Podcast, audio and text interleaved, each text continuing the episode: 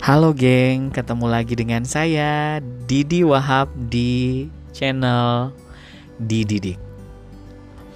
Hmm, berapa kali kamu pernah berkenalan dengan seseorang, tapi kamu dengan cepat melupakan dia?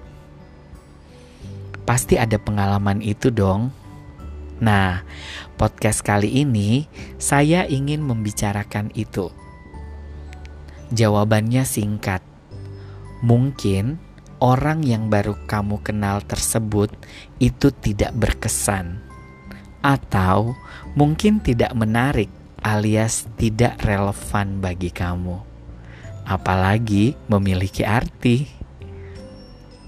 Nah, di podcast kali ini, Didi ingin mengangkat tema relevan.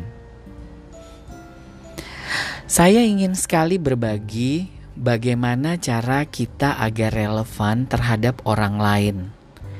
Walau mungkin tidak banyak, tapi paling enggak bisa diingat walau sebentar saja. Walau mungkin kamu mengatakan bahwa tidak mungkin kita disukai sama semua orang, tapi paling enggak nih kita tuh memiliki kesan pada mereka walau tidak banyak. Nah, kita mulai ya. Pertama, yang harus kita pahami bahwa orang itu akan tertarik pada kita jika kita memiliki dua hal. Apa tuh dua halnya? Satu, kita tuh harus bersifat novelty. Dan yang kedua, kita harus bersifat challenging. Apakah itu? novelty itu adalah sifat kebaruan yang membuat orang itu memiliki kesan bahwa dia baru mengetahui sesuatu. Ini bisa kita bangun secara visual loh Mungkin cara berpakaian kita, ataupun yang paling sederhana, dengan cara kita tersenyum. Kemudian, yang kedua, secara karakter yang bisa kita bangun lewat cara komunikasi kita, ataupun pandangan-pandangan kita melihat sesuatu yang kekinian.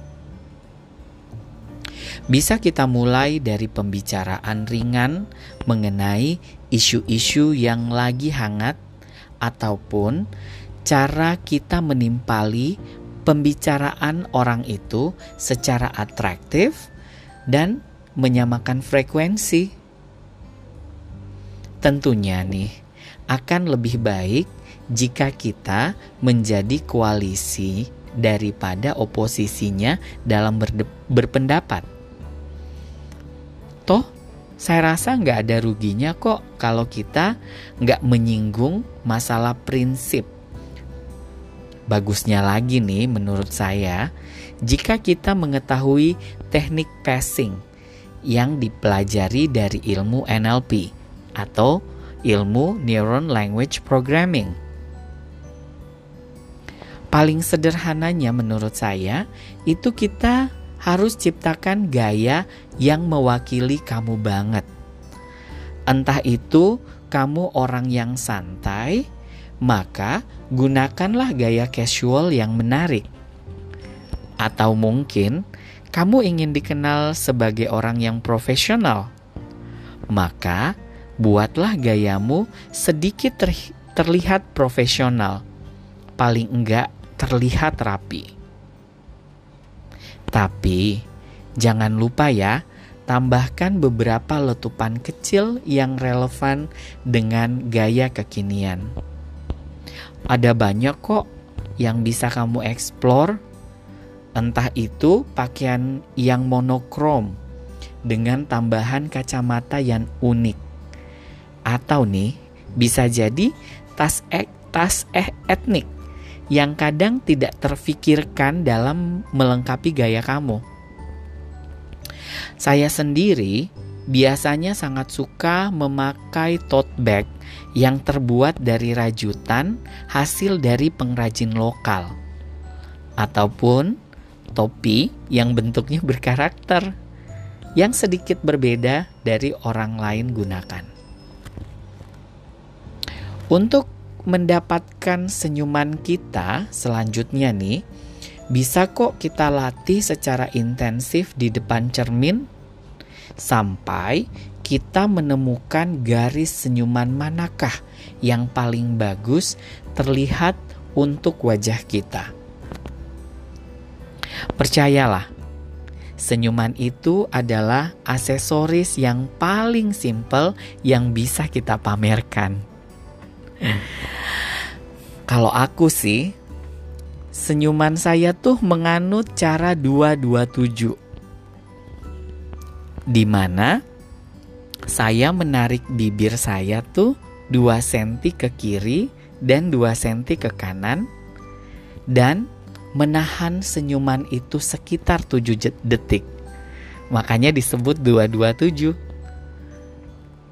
Di mana saya pribadi percaya senyumanku itu akan terlihat tulus dan modus dan bonusnya akan terlihat lebih menarik. Nah, yang tadi novelty kan? Selanjutnya nih, yang kedua. Mereka akan lebih ingin mengenal kita jika kita mengetahui bagaimana menjadi challenging bagi mereka.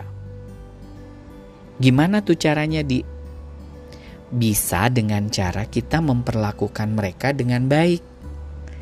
Sehingga mereka berkesan ataupun bisa kita lanjutkan dengan mengenalkan budaya kita melalui karakter kita.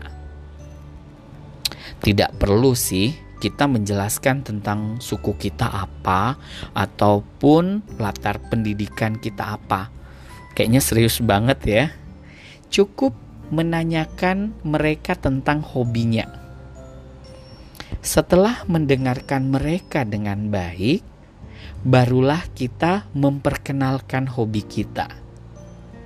Karena hobi kan bagian dari budaya kita. Paling tidak, mereka akan tertarik jika kita memiliki hobi yang sama.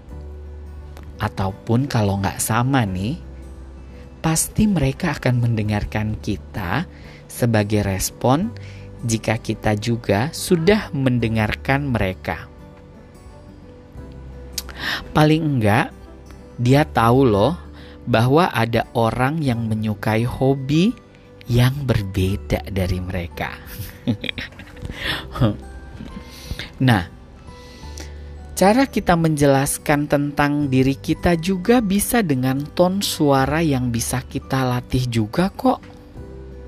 Kalau saya pribadi nih, biasanya saya akan mengecek dulu nih ton suara mana yang menyenangkan.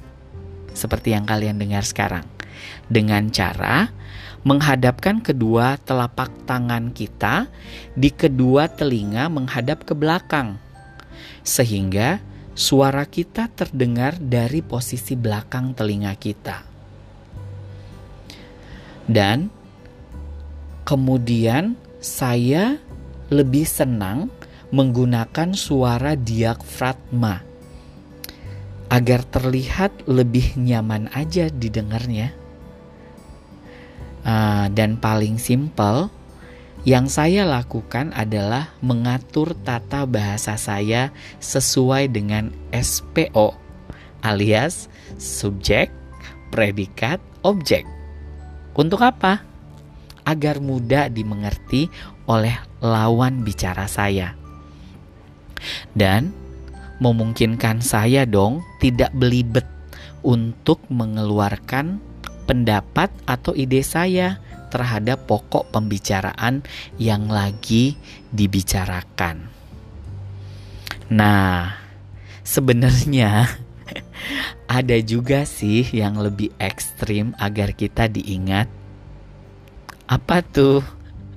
Yaitu Buat dua pilihan buat orang itu. Menyukai kita atau membenci kita. Jangan di tengah-tengahnya.